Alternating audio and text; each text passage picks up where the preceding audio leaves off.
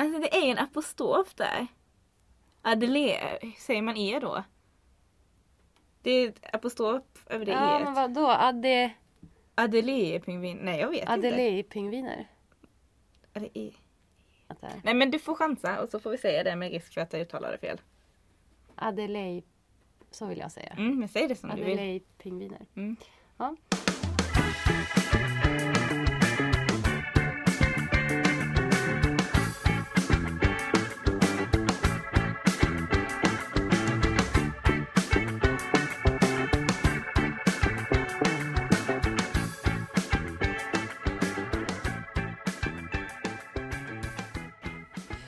Men då var det dags igen. Avsnitt 12.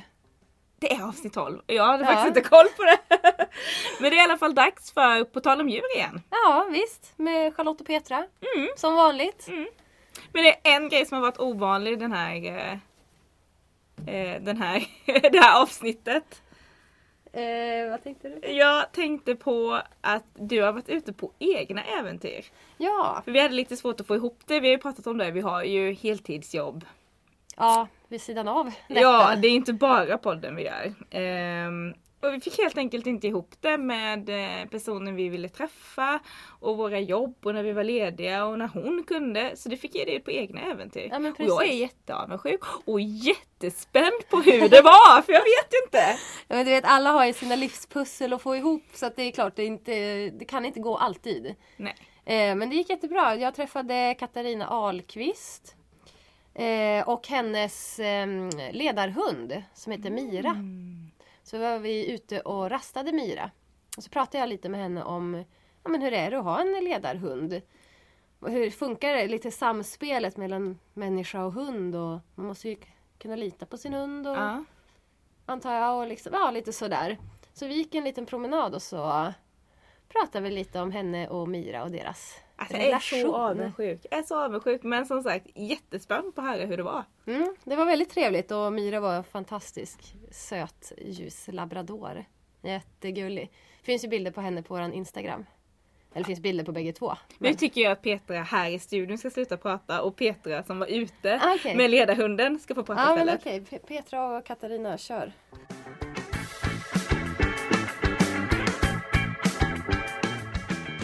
Har ni någon runda som ni alltid brukar gå eller? Det är lite varierat. Vi kan gå om man svänger och bort där. Ja, Så brukar vi gå längs vägen där till exempel. ja. Men vi kör på det. Vilken sida tycker du är bäst att jag går på nu? Höger i och med att hon alltid går på vänster. Vänta, höger. Då måste jag tänka vilken höger och vänster är. Då kör vi på det. Och då när eh, man vill att hon ska börja gå så säger jag före. Och så kan man säga stanna.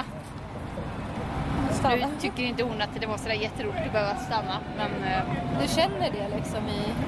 ja, precis. Det känns i selen då att hon börjar sakta ner eller om jag säger före. Ja, hon börjar ju inte gå mitt jobb börjar gå så att det, Nej, det, är okej. ju, det är ett samspel. Ja. Okej.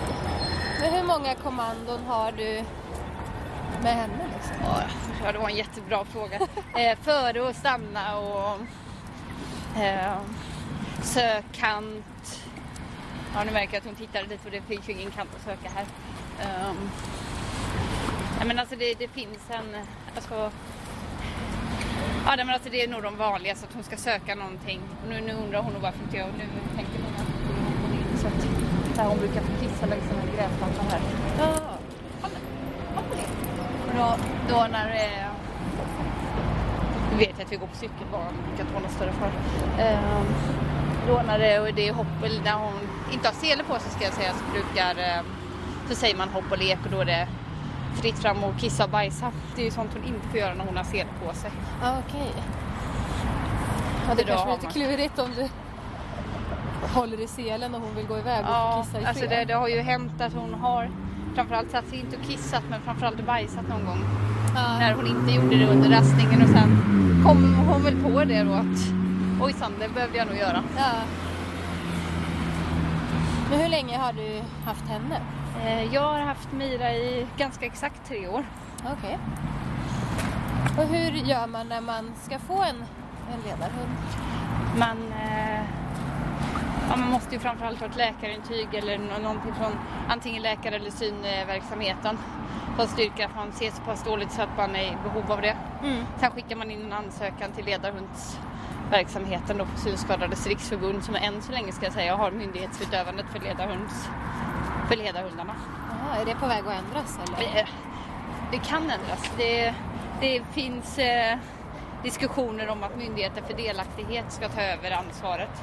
Mm. Men eh, det, är, det är inget vi vet någonting om utan det, det, det försiggår diskussioner om det i alla fall. Men Ja, än så länge har Synskadades riksförbund myndighetsansvar eh, ansvar Ja, för tilldelning av ledarhund. ja. Det är så att du lånar henne? om Ja, det kan man väl säga. Jag har dispositionsrätt. Det är väl ett leasingavtal kanske man kan säga. Eh, Om man skulle jämställa det, liksom, tänka en bil eller ett fordon så, så. Jag får ju betala hennes omkostnader förutom då veterinärkostnader som eh, Synskadades riksförbund står för. Ja. Men utöver detta så får jag betala mat och allting en hund behöver. Men fick du välja en hund som du tyckte passade dig eller får man bara en hur som helst? Nej, ehm, man, man får ju önska givetvis om man vill ha en labrador eller schäfer eller storpudel. Ehm, och sen fick jag önska om det skulle vara en tik eller han eller om jag vill ha någon speciell färg. Ja. Jag gjorde inga sådana önskemål mer än att jag önskade en labrador för att är 90% av ledarhundarna är labradorer och Ja, okej. för mig fanns det ingen anledning att jag är inte allergiker så jag behöver ingen storpudel. Och schäfrar det, ja, det, det är ju vissa som föredrar den rasen men för mig spelar det ingen roll. Nej. Sen tycker jag väl att det är lite fördel att hon är gul men det var inget jag önskade så men det, det, det är lättare att uppfatta ögonen i och med att jag har lite restsyn. Ja. Då kan man få en annan kommunikation. Hur eh, mycket synförmåga har du? Eh. Mira, kom hit. Sitt. Mira, sitt. Ja, det där är ju också ett kommando men det, det var inte något hon var så pigg på att lyssna på just. Det var så mycket annat som var spännande. Vad var det du frågade? Eh, Hur mycket Syn. synförmåga? Ja, helt blind på vänster öga. Varken ljus eller mörker och sen ser jag cirka mellan 4 och 6 procent på det högra beroende på om det är en bra eller dålig dag. Ja, okej. Ja, det kan variera alltså. Ja, bevisligen kan det ju det. Ja. Men det har nog inte egentligen med att synen förändras utan det handlar nog snarare om eh, vad det är för typ av väder. Ja, okej. Idag är det nog en rätt så bra dag. Jag skulle säga att det är lite småmulet men man ser lite Eh, blå Ja, ja men precis. Det är inte så att man blir bländad men det är inte så att det är jämngrått heller. Nej, precis. Det stämmer. Men det här samspel, alltså kände du det på en gång eller är det sånt man får öva på när man precis har Nej, det, just det, det var ju också det när det gällde hund att nej, man, de, de, alltså det är en ganska lång, det här jag sa med ansökan då är ju bara första delen, sen blir man kallad att få gå en infokurs som det heter. Ja. Där man får prova i fyra dagar och gå med olika ledarhundar. Och då kan man ju känna efter de här fyra dagarna att men det här är faktiskt ingen, är ingenting för mig. Och då drar man ju tillbaka sin ansökan. Eller så är det som jag då, så tycker att det var helt underbart. Ja. Och så säger man att man vill ha kvar sin ansökan och då under de här infokursen så kollar de vad jag har för personligheter och egenskaper, vilka behov jag har, hur jag bor. Alltså, det görs även hembesök. Så man, man kollar det ganska grundligt. Mm. Vad, vad jag är för typ av person och mina levnadsvill, min livssituation och så vidare. ja. Men blev det stor skillnad för dig i din vardag om man säger, när du fick henne? Ja, det tycker jag att det blev framförallt att jag kommer ut mycket mer. Ja. Annars blir det ju lätt att man åkte färdtjänst överallt eller gick ner till närmsta spårvagnshållplats. Nu försöker jag att gå betydligt mer. ja. Sen har väl livet kastats om i och med att jag fick barn för ett år sedan så att nu är nog inte bara det här med ledarhunden tillgång. Det, det är en del i livs... Eller i det här vardagspusslet. ja, det är inte så Att köra barnvagn och gå med ledarhund samtidigt är inte helt optimalt alla gånger kan jag känna. Nej, kanske lite krångligt. Ja. Hon verkar väldigt lugn och liksom tycker att det är väldigt kul Ja. att vara ute. Jo men det gör hon. Hon är ju framförallt lugn när hon eh, har sitt sele på sig. Ja. Men hon blir på en väldig fart när hon får, får leka och vara vanlig hund eller vad man ska säga. Ja, springa fritt. Ja, men för hon är ju så lugn och så här.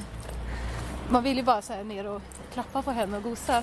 Mm. Det står ju stör ej ledarhunden precis. på På selen. selen. Mm. Jag tycker att man ska liksom uppföra sig kring en ledarhund om man säger man stöter på en. Men alltså det är väl helt okej att stanna och prata eller fråga om man vill det. Det där får man ju förstått. Alla med ledarhundar vill inte svara på frågor hela tiden. Men, eh, alltså, för, för min del är det ingen fara om man frå- eh, liksom stannar och ställer frågor. Bara man låter henne jobba på kan jag känna.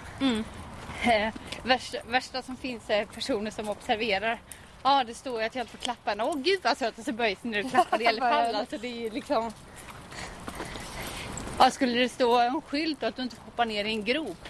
Skulle man hoppa ner i gropen och sen konstatera oj jag fick inte hoppa Det här Det är, ungefär, det är ungefär samma logik. Så, att, Ja. nej, så att det är väl det som jag kan tycka är det mest problematiska. Men... Ja, nej, men jag tycker man ska förhålla sig som att det går förbi en människa med en hund. Jag vet inte, jag tycker nog inte man behöver göra så stor Mira. Så stor uppmärksamhet kring det. Ja. Kan du gå liksom var som helst med henne? Om du säger, kan du säga till henne att nu ska vi till apoteket? Här? Nej, det kan jag absolut inte göra. Man måste kunna sin egen väg. Ja. Det är ju, ledarhunden är ju ingen GPS utan man kan beskriva det som ett hjälpmedel som markerar hinder. Ja. Det går ju inte helt att jämställa med den vita käppen utan den vita käppen som många personer med synnedsättning har den håller man ju sig framför och kan upptäcka hinder. Det här är ju ett levande hjälpmedel då. Ja. Men funktionen är väl ungefär detsamma men det är ju betydligt mycket mer ansvar med en hund än vad det är med en vit käpp. ja, det är klart. Ehm, Men det är ju det markera hinder. Sen lär ju hon sig vägar men det är ju inte säkert att, att vi börjar gå en sträcka och sen ska vi gå på något nytt ställe. Det är ju, och sen kanske hon tänker, men nu börjar Matte gå på den här vägen, här har vi ju gått många gånger förut. Så att det går ju inte att lita på den för att då kanske hon går till det stället hon tror, men jag har tänkt att vi ska gå en ny väg idag. Liksom. Ja. Vi, du ska inte nosa. Nu var hon lite busig. Det är lite busig. Men det kanske man får vara lite ibland. Kanske det. Men till exempel nu när det... Nu kände jag att det gick förbi en hund där, hon började rycka direkt i selen. Ja, ja det är en liten en där. Ja. Och det, Vart det, det nyfiken? känns, jag känner svansen går mot mina ben också. Ja. Vart du lite nyfiken där? Men hur var det i början då? När du precis hade fått hem henne och skulle ut och gå? Väldigt ovant och då tyckte jag det var läskigt att gå runt med. Eh, hon var mycket starkare än vad jag trodde att hon skulle vara också så att då var det lite obehagligt nästan. Ja, okej. Men nu, nu känns det väldigt naturligt. Ja. Var det att hon ville dra iväg liksom? Eller att du inte... Vi har inte riktigt lärt mig den här tekniken att gå med Mira, sitt! Att gå med sele till Ja. exempel. Ibland får man putta lite på hennes rumpa för att hon ska Ja, det är väl som barn och vi vi hör vad de vill höra. Varsågod och så hör hon väldigt bra när det är dags för mat. Alltså? ja, det är klart. Då är det något gott som väntar. Ja, Ja, nu luktar hon efter någonting här så... ja det ligger ju massor med restauranger här runt omkring. Ja. Men eh, om vi skulle till exempel gå över här, Ja. över vägen. Hur, kan du inte liksom guida oss hur, Mira, upp hoppa! Hur du tänker då? och Vad du gör? Liksom? Före! Mira, före! Då kommer hon att tycka att vi ska gå rakt upp istället, men det gör inte det. Mira! Nu ska vi se, sök kant. Ja, och då ser du, då stannar ju hon här vid, vid kanten och markerar att det är en kant. Stannar bilen här före. Och det märker hon också. Det kan man ju absolut inte lita på att hon ska ha koll på att eh, ha koll på att det kommer en bil men nu verkade hon ju reagera när bilen körde och, eller stannade. Så att, Ja. Men jag tänker så här, det är ju många som att vi ska ha mycket elbilar framöver och de hörs ju inte alls på samma sätt. nej, nej, absolut. Det måste ju påverka ganska mycket tänker jag. Ja, det är ju extra viktigt då att det, man, det finns sådana här ticksignaler vid övergångsställen som man kan höra när, höra när det blir rött och grönt. Mm. Eh, nej, men sen är ju elbilarna, så det är, ett, det är ett obehag som man kanske kan hoppas att man kan lösa så att de låter på något speciellt sätt.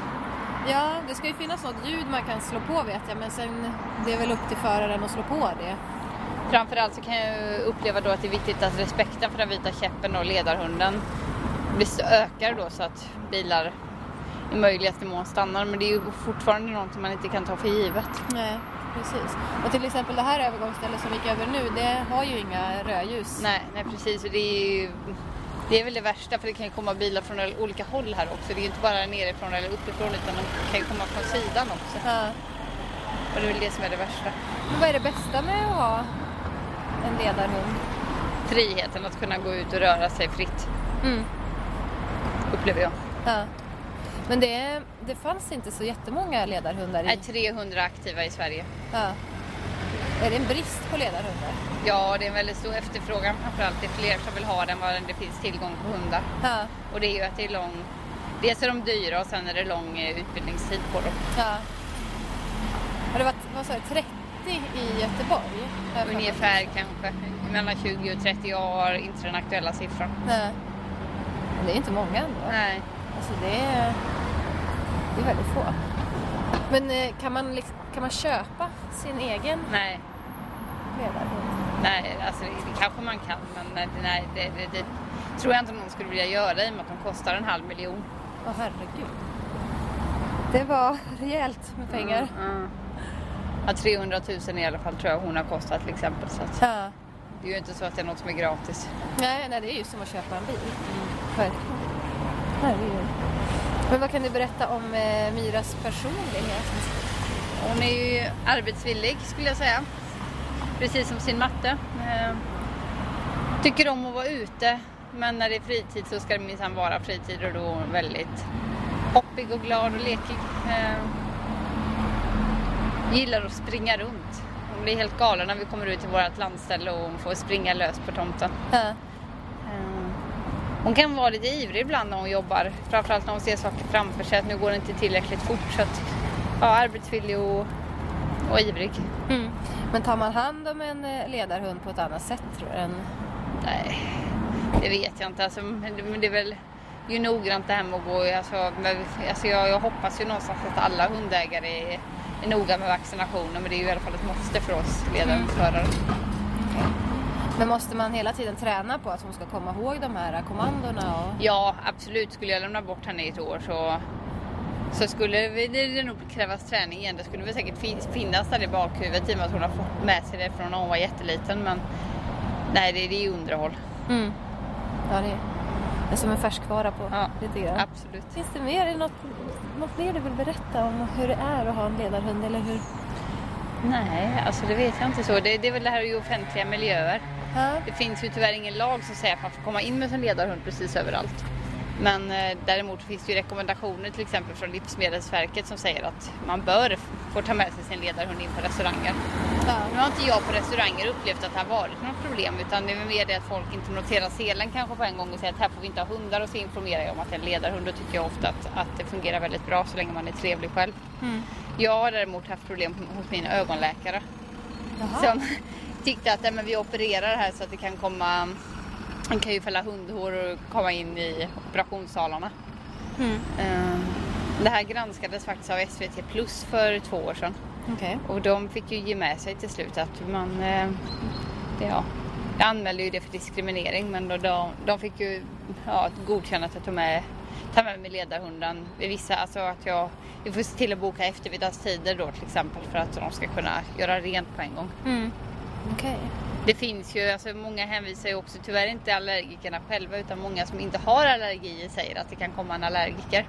Och det finns en överenskommelse mellan Synskadades riksförbund och Astma och allergiförbundet som säger att eh, den enas behov inte ska ställas framför den andra och då får man hitta lösningar Mm. sinsemellan. Men sen eh, kan det ju vara så att alla som har ledarhund eller alla som eh, har allergier kanske inte är medlemmar i de här förbunden men det, det är ju någon, ändå någon, liksom det är bra om offentliga ställen känner till de här grejerna. Mm. Ja, det måste ju finnas riktlinjer oavsett om man är Ja. medlem eller inte. Hur ofta har du med henne när du ska ut och göra ärenden? Är det varje gång eller? Ja, så gott som i alla fall. Mm. Är det vissa ställen hon kanske tycker bättre om att gå på än, än andra? Alltså av någon anledning när vi går in i Nordstan så, och det beror på att det var de första ställena jag besökte med dem och hon försöker alltid gå mot Fiskarebröderna och Systembolaget så jag vet inte riktigt hur det ska tolkas. Det är det hon kommer ihåg bäst. Ja, tydligen. Och nu har vi inte varit där på jättelänge men det är ändå de butikerna hon går mot först. Ja. Hon undviker gärna leksaksaffären även om vi har varit där flera gånger men det är för mycket oljud kanske. Ja, kanske det. Jag tänkte annars Nordstan skulle vara så stressad med ställe att gå på. Nej, hon verkar tycka att det är rätt så häftigt faktiskt.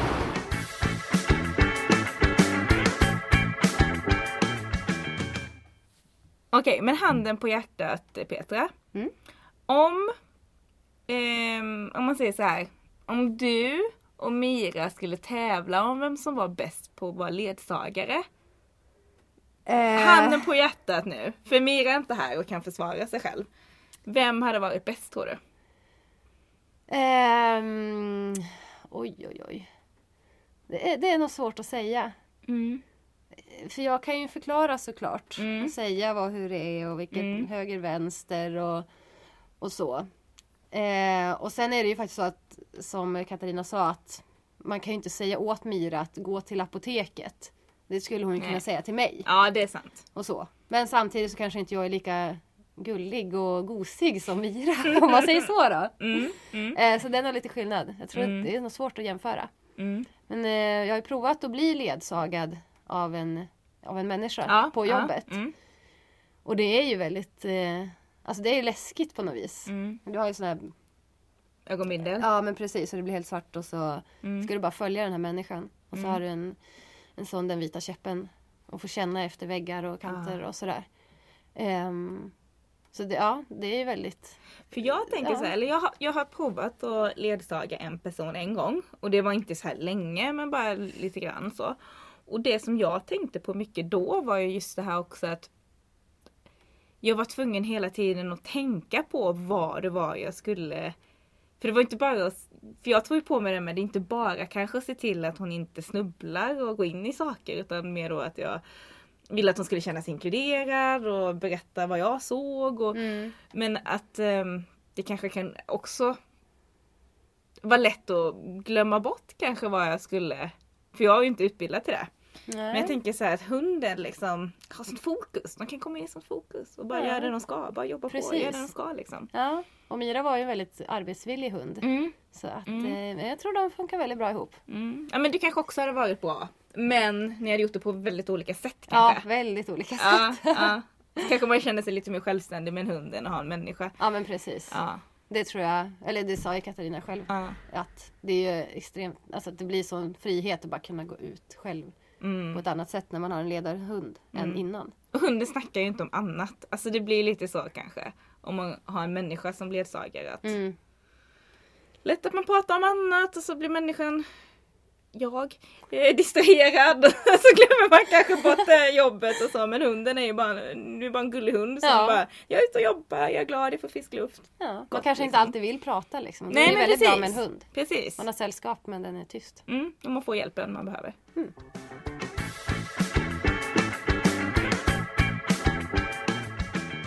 Har du någon nyhet idag Peter? Ja men det har jag. Eh, det här är lite sorglig faktiskt. Okej men min eh, inte så sorglig så du kanske ska börja med din då. Ja, Eller? Så vi slutar med lite glatt. Ja. Ja. Eh, Okej, eh, då ska vi till Antarktis. Och då handlar det om en stor koloni med Adelaide-pingviner. Nu eh, är det det här med uttalet igen, men jag tror att man säger så i alla Mm. fall. De har förlorat nästan alla sina ungar, den här kullen, se, ja, det här året. Eh, och det här beror på ändrade isförhållanden som gjort att pingvinerna tvingas att färdas längre än vanligt för att få tag på mat till sina ungar. Då hinner ungarna svälta ihjäl. Nej! Av 18 000 häckande par i den här kolonin så är det två ungar som har överlevt. Kan du bara tänka dig. Men det är en hel koloni. Mm. Och det här är inte första gången utan det här eh, hände eh, för fyra år sedan också. Och Det är de här isarna som smälter då. Ja, fast det här, det är det som är Nej. så... ehm, det har ju med miljön att göra. Eh, men man tänker ehm, på Arktis, där uppe, där smälter isarna Mm. jättesnabbt. Mm. I Antarktis blir det snarare att det blir mer is. Aha. Alltså det- blir för långa sträckor då för Mm. de här pingvin... Alltså, ja, det blir, istäcket blir ja, större och ja, större ja. på ett sätt. Och de, Hinner, de, ja, det vet blir inte för jag vilken- att färdas liksom. ja jag förstår. Och de här, nu vet inte jag vilken typ av de här pingvinerna är men pingviner är väl så här generellt väldigt väldigt snabba i vatten. Ja, Och lite långsamma och klumpiga på land. precis. Så det är klart, då tar det ju kanske jättelång, mycket längre tid för dem att gå då. Ja. ehm, en fransk forskare han säger att kopplingen till klimatförändringarna det är lite svårt att tyda om det faktiskt är så. Men man tror ändå att i och med att det smälter så mycket eh, i Arktis så blir det mer vatten som fryser nere i Antarktis. Så förstår jag det i alla fall som. Eh, och det här beror på att eh, det kommer ner mer sötvatten ner eller till Antarktis. Eh, vilket, och det har liksom en, en mindre fryspunkt, eller det fryser snabbare än saltvatten. Och därför kan det bildas så pass mycket mer is där. Eh, och nu vill man i alla fall försöka få till ett eh, marint reservat för de här eh, pingvinerna. Det kommer ju inte hindra isen men de har ändå i alla fall de är skyddade från andra hot så att de kanske ändå har en chans att deras ungar ska kunna överleva. Ehm, så vi får väl hoppas. fruktansvärt. Ja. Eh, för det är ju ändå, det är ju alltså om av 18 000 häckande par, Två. två. Alltså det är ingenting. Det är två små pluttar bara. Alltså det är så sjukt så man vet liksom inte riktigt jag vet inte riktigt hur jag ska kommentera det ens. Nej, för att det är så, det är proportionerna är så, ja men precis. Det, proportionerna är helt sjuka. Ja, men man kan ju hoppas att med ett litet reservat då att de ska kunna återhämta sig liksom Ja. successivt. Och att det här har hänt tidigare också så det är väl redan en påfrestad koloni om man säger. Hoppas att de häckar ofta då. Ja, det, så att det inte är så här var fjärde år eller någonting. Nej, för då precis. känns det ju jättetungt. Liksom. Eh, det står det faktiskt ingenting om. Mm. Hoppas det är så varje år. Typ. Ja, men det känns som att de flesta djur häckar varje år. Ja. Många. De vill väl också ha sitt. Precis. Mm. Ja, Ja. Till den glada nyheten då. Ja, eller alltså glad. Det är alltid en liten, eh, vad ska man säga, mörk twist på alla nyheter tycker jag nästan. Men det här handlar om att man för första gången har ehm, lyckats fånga sandkattungar på film. Alltså sandkattungar i det vilda då. Ja. Jag vet inte om du kommer ihåg men när vi var på Nordens Ark och träffade David och Emma. Mm. Så pratade de ju, och vi pratade om pallaskatten, den lilla vilda katten. Och då sa de att det fanns jättemånga små katter. Mm. Jag vet inte om vi tog med det i podden. Eller om vi bara pratade med dem. Vi kanske inte spelade in det, minns inte jag nu. Eh, det kommer inte jag heller ihåg om det är med i podden. Men de pratade om flera olika små vilda kattraser Ja. som det finns väldigt lite kunskap om. Precis. Och där Pallaskatten då såklart som vi pratade om. Då var en av dem. Och även så nämnde de den här sand... Sandkatten, Katten. ja precis. Och den är så söt, kolla! Ja jag vet, jag tittar på det där Ja. filmklippet. Alltså det, Det- de är otroligt gulliga. Ja, det är DN som har lagt upp ett filmklipp. De, de, de ser liksom ut, eh, de är ju så här sandfärgade. Mm. Eh, och så har de små ögon och jättegulliga ögon och så. Men de här filmades i ö, en öken i Marocko. Av en eh, skyddsorganisation för vildkatter då. Och eh, ja, sandkatterna är nattdjur. Men de är väldigt svåra att upptäcka så att man inte har fångat dem på film, inte för att man har varit lat. Nej, Utan de är väldigt svåra att fånga på film. Men arten är listad som nära hotad då. Mm. Så det är det jag menar med det är alltid någonting lite negativt. Men det är ändå häftigt att de har lyckats fånga dem på film. Då vet de att vad de kan, Ja. håller till och att man Ja. kanske kan fånga dem igen och få in lite mer kunskap om den här lilla katten och kanske kan jobba för att den ska... Ja men precis. Det är Ja, ju. Det är ju jätteviktigt i det här bevarandearbetet kan jag tänka mig. För det var ju det det var för pallaskatterna. Mm. Just att de samlar på sig mer och mer kunskap. Så att, Mm. lyckas fånga dem på film i det vilda det kan jag tänka mig är jättepositivt för bevarandearbetet. Mm.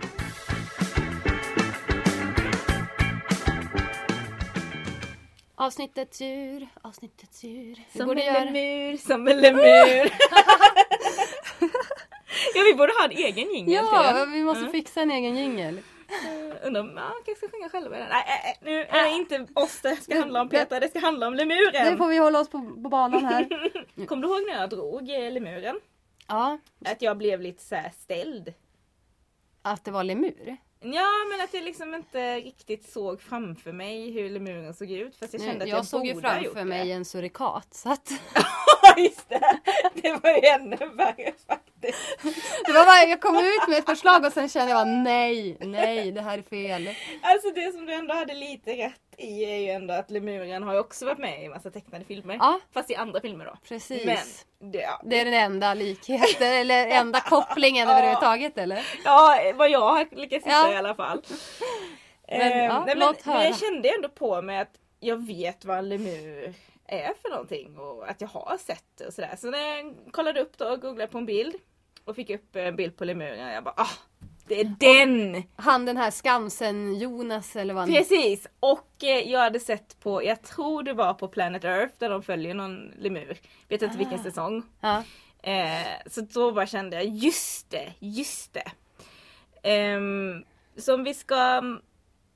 Ja men jag tar det i den här ordningen att när jag ser den här bilden på lemuren eh, så min första tanke är att den är rätt lik en apa. Mhm. Ja, Jaha. väldigt lik en apa. Men med lite andra färger.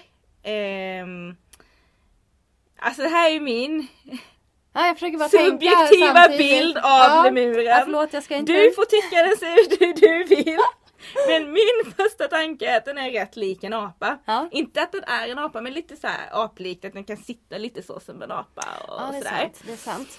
Ehm, men att den då har andra färger och det den, den lemursorten som jag tänker på då är mer gråaktig, lite ljusare grå på mage och sådär mörkare på ryggen och eh, svart kring nosen och så här. Och, och just den arten har också en jätte, jättelång svans som är randig, svartvitrandig. Och så, så här stirriga gula ögon. Så här. Ah, Ja. Eh, så att det, inte en apa men lite aplik så. Mm. Men det här är ju när den sitter ner. Mm. Och så kollade jag på ett klipp och det var då jag kom på att jag har sett det här på Planet Earth eller någon annan sån naturprogram. För när jag kollade på videoklipp då var det klipp liksom där lemuren hoppade fram så här, den hoppade från träd till träd och det liksom sträckte ut sig mer. Det var satt liksom inte så här Satt inte så som när den ser ut som en apa. Och då tycker jag det ser ut som en människa i pälskläder. Nej. Jo! Alltså jag tycker det. Och det här är återigen det är vad jag tycker, alla andra får tycka vad de vill. Men jag får lite de associationerna. För att den blir så himla lång. Är det typ som när Eh. Tarzan håller på att slänga sig i lianer? Att Ja men så- alltså, ah. alltså när den sitter så här, alltså, det är så dumt eh, för det är en podd så det spelar ingen roll att jag försöker sitta så men om, om man tänker sig att man sitter som en apa, då sitter man ju upp med knäna. Ja. Eh, och då ser man ju inte riktigt hur långa benen är och sådär. Mm. Men den sträckte ut sig då, liksom den hoppar och bara sträcker ut sig så här. Då, då ser jag liksom, jag tycker armarna och benen ser så här mer människolika ut. Att Aha. kroppen proportionerligt blir lite mer människolik. Ja. Ehm, ja, det är de associationerna jag gör. Eh, och ehm, jag kan säga det att det finns väldigt många olika arter. Så att jag tror inte en. att alla, nej alla liksom arter ser inte ut så här. De har inte ens de färgerna jag beskrev. Eller ser säkert inte ut som en människa i pälskläder. Men just det klippet som jag kollade på fick jag verkligen de associationerna. Ja. Jag tänker Eh, ändå att en lemur är den där med randig svans. Jag tänkte att det bara det är så de ser ut. Ja, nej det finns massa, massa olika. Ja. Eh, så att, ehm, och just den med randig svans tror jag inte var det jag såg det här klippet på sen. Mhm. Men det Det kanske var... inte ens är den vanligaste. Det är väl för att Bara det för finns att på man har sett dem Det är i för att, det är för att jag bor på Skansen. Skansen och i Madagaskar-filmerna Ja, typ. precis. Och det, men det, ja, jag vet inte om det är den vanligaste om man kollar till population. Alltså, Nej. så. Men ehm, alltså jag tycker den är cool och söt när den sitter ner. Men jag har ju lite sådär svårt för människor som klär ut sig till djur. Och därför har du svårt. Så, här, så jag bara, oh men är det en människa? Har du lite svårt för lemurer nu? Nej. Det finns ju som sagt många olika arter och de hoppar inte hela tiden. Men just när den hoppade så tyckte jag bara, vad är det här liksom? Men det, jag tycker inte det är ändå konstigt då att jag gör de här associationerna. Lite apa, lite människa. För så här är det, att lemuren, de tillhör primater. Och vi är primater, människor är det. Och apor är också primater. Ah. Så det är inte jätteologiskt Nej, ändå. Alltså man kan skratta åt att jag tycker att den ser ut som en människa i pälskläder. Men vi tillhör ändå primater Ja, allihopa. så att sådär jättelångsökt kanske det inte är. Och du sa ju det själv att äh, lemurerna, är- att, eh, med en massa lemurer i Madagaskar. Ja. Och det är ju den filmen jag syftade på. Ehm, men har du sett mycket av de filmerna? Nej. Jag har Nej. sett när de sjunger I like to move it, move it. Ja Det är det. precis, det är det kända. Och då är det ju han, den mest kända lemuren där heter King Julian tydligen. Oh. Jag fick googla på detta för jag har ju sett en film kanske eller två Ja. men det var länge sedan. Det är inte alls sådär som jag kan lika bra referenser som med Lejonkungen och Timon och Nej, Pumba det är inte riktigt Liksom, samma inte- klassikervarning på Kanske inte för, Madagaskar. för vår, man kanske ska vara lite yngre då Ja. än vad vi Ja, är. Så det kanske är många som har väldigt tydliga referenser till det Det är här. efter våran tid. Men det är inte heller någon slump att de är med i Madagaskar för att eh, lemurerna i det vilda bor bara på Madagaskar. Aha. De bor ingen annanstans. Ehm, eh, ja, och så Madagaskar kallas också ibland för lemurernas rike. För att det är liksom där de bor så det är ju jättelogiskt. Det hade ju Ja. varit jättekonstigt att göra en tecknad film, döpa den till Madagaskar och inte ha med lemurer. Det vore ju Det vore ju jättekonstigt. Eh, men det finns eh, som jag sa många arter av lemurer. Runt 100 arter. Oj. Och de varierar jättemycket i storlek, utseende och beteende. Eh, så den lemuren jag beskrev till utseendet är ju den som eh, ehm, jag förknippar också med lemurer. Och det är ju den där ehm, som lever på Skansen också. Mm. Nu hittar inte jag vad den heter just nu men jag har den, det kommer sen. Eh, men eh, jo, en del lemurer de bor i trädkronorna. Andra bor liksom, eller liksom lever på marken och sådär i regnskogen. Eh, det de har gemensamt är att de lever i en grupp. Så de är liksom upp till 20 stycken individer i varje grupp. Och då är det honorna som eh, Mhm. eh, har mest makt. Eller som, ja. Sådär. Och de äter gröna blad och frukter så det är liksom lite så Inga kryp eller något. kan man ändå tänka att de Nej, inte vad det står där. Jag kollade på Världsnaturfondens Ja. information. De skrev ingenting om det. det. De flesta lemurer är aktiva på natten. Det finns en dagaktiv. Och det är kattan eller ringsvanslemuren. Och den lever på marken och det är den som finns på Skansen. Ah. Ja, det är små ringar. Typ ränder Precis. Men lever alla de här hundra olika arterna då på den här ön? Ja, På Madagaskar? ja. Hmm, häftigt. Men det har ju levt ännu fler lemurer där. Aha. Men alltså funnits ännu fler arter. Och det, här, det är det här jag undrar nu. Jag har inte sett någon bild på detta och det är väl också då för att man bara hittat skelett. Men det har ju det är, det är det här min rädsla för eh, människor som klär ut sig i så här, pälskläder och sånt. Alltså, jag gillar inte att fastna bland Lisebergskaniner och, och sånt. Utan de får vara på avstånd. Vad roligt. Eh, men här då så, man har alltså hittat skelett från en lemurart som vägde 200 kilo. Nej men gud. Oh, det är nästan så här så jag... Nej men gud det måste vara som en häst. men alltså, ja. Den, den var ju då liksom eh, stor som en gorillahanne Ja. typ. Ja. Och det här var ju jättelänge sedan. Det var kanske, man uppskattar 2000-3000 år sedan. Ja. Men ändå liksom, alltså. Fatta den lemuren. Borde inte den ha överlevt och inte alla små? Ja. Men ja, Jaha, ja. Sen så har det också funnits lite mindre eh, arter då. Fast som ändå är lika stora som människan. Så sådär jättekonstigt att jag tycker de är lite människolika. Nej, inte jag faktiskt det är inte. liksom. Du Men- kanske har liksom Ja, om nu låtsas att man Mm. återföds. Jag, på något, jag skulle ändå vilja det. Att jag har varit en 200 Nej, men- kilo tung. Nej! Nej, men du kanske var en människa på den tiden de fanns. Ja, Och så blev du skrämd eller jagad Mm. vet jag, av Mm. en sån här 200 kilos lemur. det kanske var jag som sen började utrota de här lemurerna när jag kom till Madagaskar för ungefär 2000 år sedan kanske. Det kanske är så det är. Det där minnet hänger kvar efter alla dina Ja, återfödslar. För, för det är ju ehm, det var ju så det var liksom att eh, sen kom människan dit och det var då Ja, ja, de ja, här ja, de kanske vill ha päls. Ja. Eller?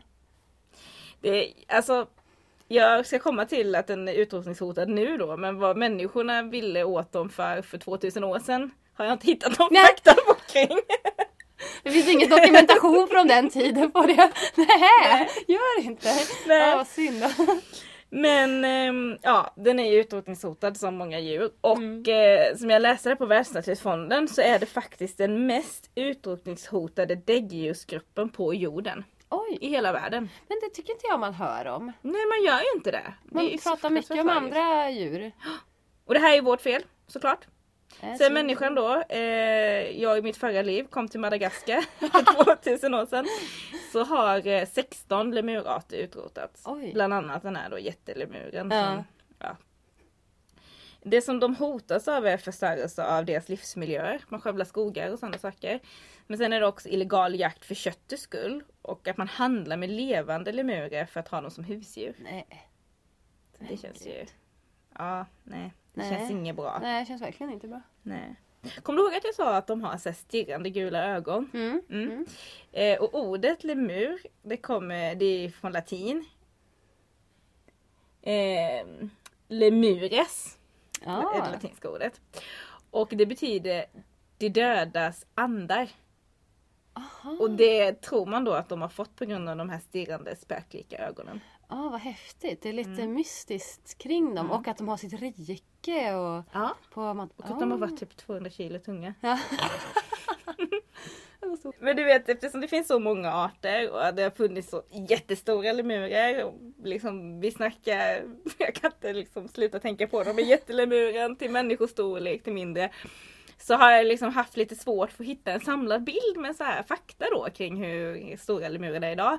Men då tänkte jag så att jag tar, väljer ut den här ringsvanslemuren då i och med att många sätter på Skansen och den känns ju, eller i tecknad film, det känns ju mest känd liksom Mm. för gemene man i Sverige kanske.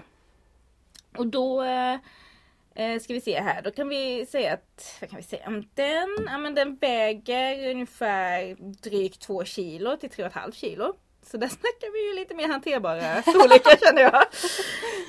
Den ehm, eh, äter frukt och löv. Jo men här står att den äter faktiskt insekter, örter, bark, kåda, reptiler och fåglar. Så då Jaha. äter den massa olika saker Ja. Faktiskt. Eh, den är 50 cm lång och svansen är också 50 cm. Alltså jag tänkte det, den såg så sjukt lång ut. Ja. Och det är Ja, klart, liksom, blir- den är 50 cm lång, det är säkert när den sträcker ut sig och blir sådär ja. jättelång. Så, alltså, Men när den då sitter ner. Alltså tänk dig att den här lilla lemuren sitter ner och svansen ligger så. Alltså, Ja. den, alltså den ser så sjukt lång ut. Googla på den om ni är nyfikna. Den är så. Eh, de är dräktiga i ungefär 135 dagar och då får de en till två ungar per kull. Aha. Och så blir den, hur gammal? Inte 2 till 3000 år. Eh, vad kan den bli då? 20 år? Nej inte riktigt 15 år blir det. Ja. Den här lilla då, men man undrar ju hur länge den där jättelemuren Ja, den kanske blir levde. 50-60 år. Det var det jag hade hittat om lemuren. Ja men faktiskt. spännande. Men det finns ju jättemycket mer att grotta ner sig i i och med att de här arterna skiljer sig så mycket åt. Ja, Men, jag hade eh, ingen aning om att det var så många. Nej, och att de bara bor på Madagaskar, det Ja. är helt sjukt alltså. Jag är jättenyfiken på den här 200 kilos. Alltså jag är lite rädd för att jag kommer drömma mardrömmar i natt. Men man skulle vilja att det kanske finns någon hällristning eller någonting som jag kan... Ja, där de har ritat av dem. Jag tror inte det, alltså, jag ska visa dig det klippet sen. Ja, När, när de liksom hoppar som att de är men, alltså de Ja, ser så här människoliknande titta ut. Ja, vi har inte nät här nere så vi kan inte kolla nu. Men alltså jag vet inte om det är så kaxigt då om du tänker dig att det har funnits en 200 kilo nej, tung nej, det kommer jag säkert inte vara. Ja, vi får titta på det. Mm. Ja, men det där var jättespännande. Ja och ehm, klarade det helt utan hjälp, inga experter som du fick ha förra veckan. Eh, Ursäkta Pratade med Victoria, nämnde lemuren, hon började inte namedroppa massa grejer eller så. Nej, så jag klara mig helt själv. eh, med det var jättebra jobbat. hjälp av Världsnaturfonden. mycket bra jobbat. Tack! Ja, då blir det nästa avsnittsdjur då. Ja. Pälsklädd människa. Nej. Människa i dräkt. Och säkert du får ett djur till som finns på Nordens ark. Nej, Nej. det tror ja, eller ja, i och för sig, det vet jag inte. Men eh, det blev dagslända. Oh! Mm. Men det är jättespännande för vi har haft mycket pälsdjur och Ja men precis, eh, gulliga. och sådär liksom. Men trollslända? Nej, dagslända. Dags... Trollslända! Fast dagslända kanske är väldigt gullig. Ja. Jag har inte kollat så nära på dem Nej. faktiskt. Så den kanske är skitgullig. Jag skulle precis säga, du vet alla vad det är men tydligen inte jag. men ja, det blir jättespännande Ja. att lära sig lite mer om Ska jag det. gå ut och hitta en expert på dagsländor? Får vi se vad, hur det går. Vi kanske, alltså, ska aldrig mer hjälpa dig hitta en expert. Nej jag skojar. Vi hittade ju Nordens ark ihop. Ja, det gjorde Det vi vi faktiskt. faktiskt. Ja, eh, bilder på Katarina och eh, lilla Mira, ledarhunden, finns på Instagram. Åh. Eh, på tal om djur. Bara att söka på. Eh, och nästa avsnitt det kommer om två veckor. Ja, och då får vi höra mer om dag Slända. Ja.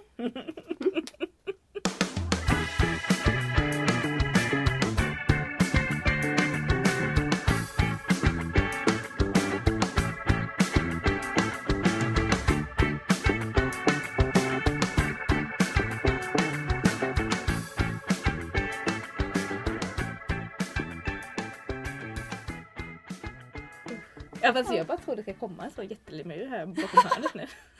Det är. Skitläskigt.